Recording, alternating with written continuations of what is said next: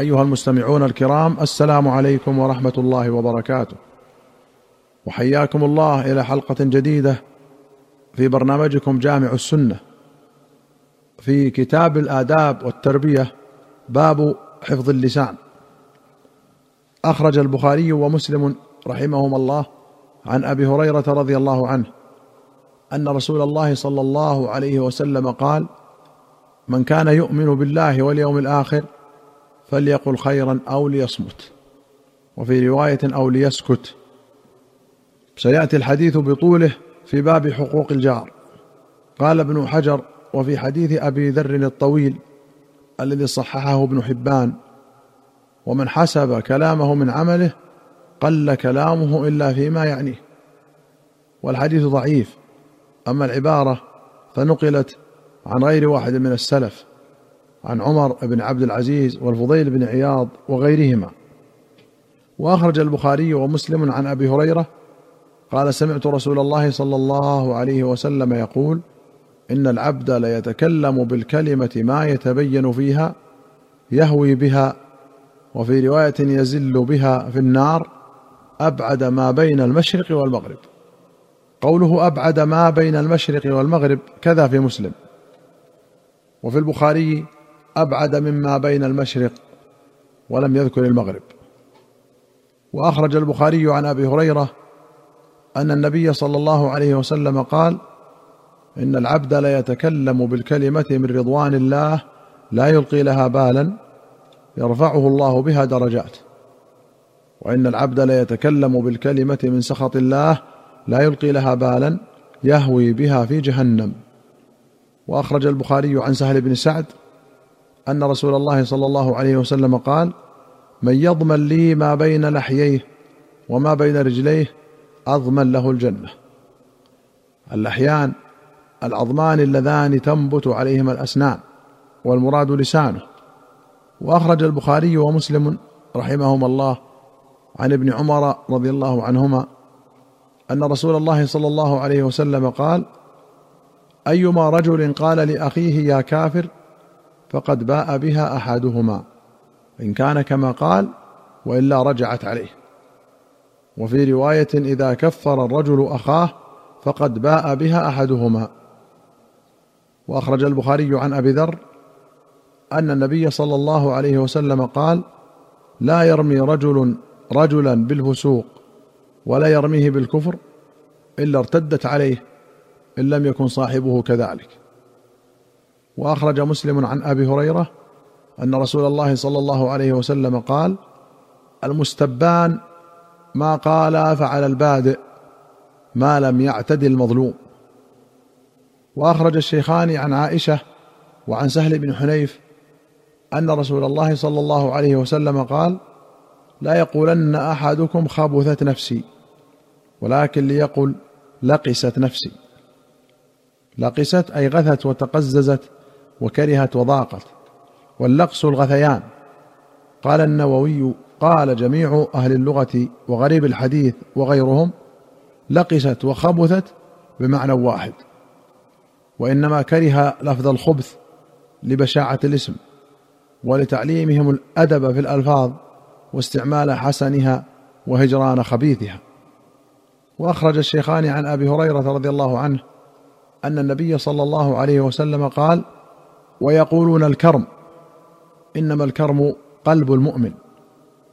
وللبخاري قال لا تسموا العنبة الكرم ولا تقولوا خيبة الدهر فإن الله هو الدهر. ولمسلم قال لا يسب أحدكم الدهر فإن الله هو الدهر. ولا يقولن أحدكم للعنب الكرم فإن الكرم الرجل المسلم. وأخرج مسلم عن وائل بن حجر أن النبي صلى الله عليه وسلم قال لا تقولوا الكرم ولكن قولوا العنب والحبلة. الحبلة هي شجرة العنب وكذلك القضيب من شجر الأعناب يسمى حبلة. وقد سبق في كتاب البيوع حديث ابن عمر وإن كان كرما. وفي رواية وبيع الكرم بالزبيب والمراد بالكرم العنب.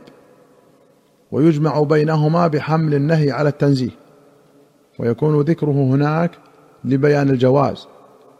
وهذا كله بناء على أن تفسير المزابنة من كلام النبي صلى الله عليه وسلم. أما على تقدير كونه موقوفا فلا حجة على الجواز فيحمل النهي على حقيقته.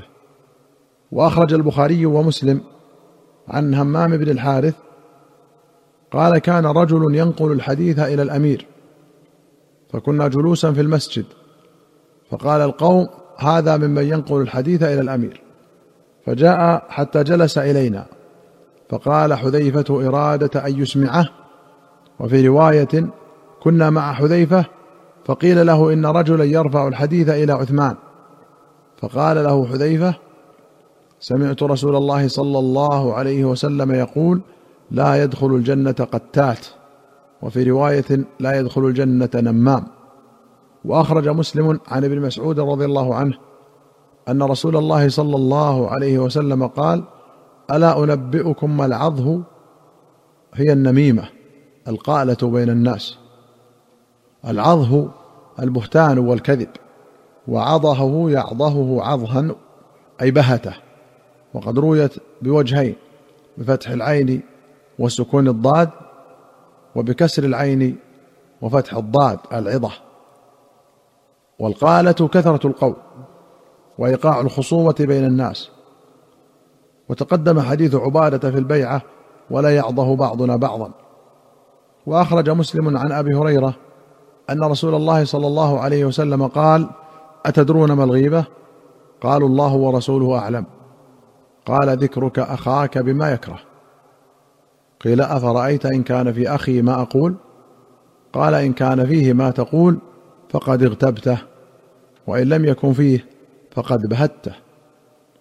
قال النووي الغيبة ذكر الإنسان في غيبته بما يكره وأصل البهت أن يقال له الباطل في وجهه وهما حرامان لكن تباح الغيبة لغرض شرعي وذلك لستة أسباب.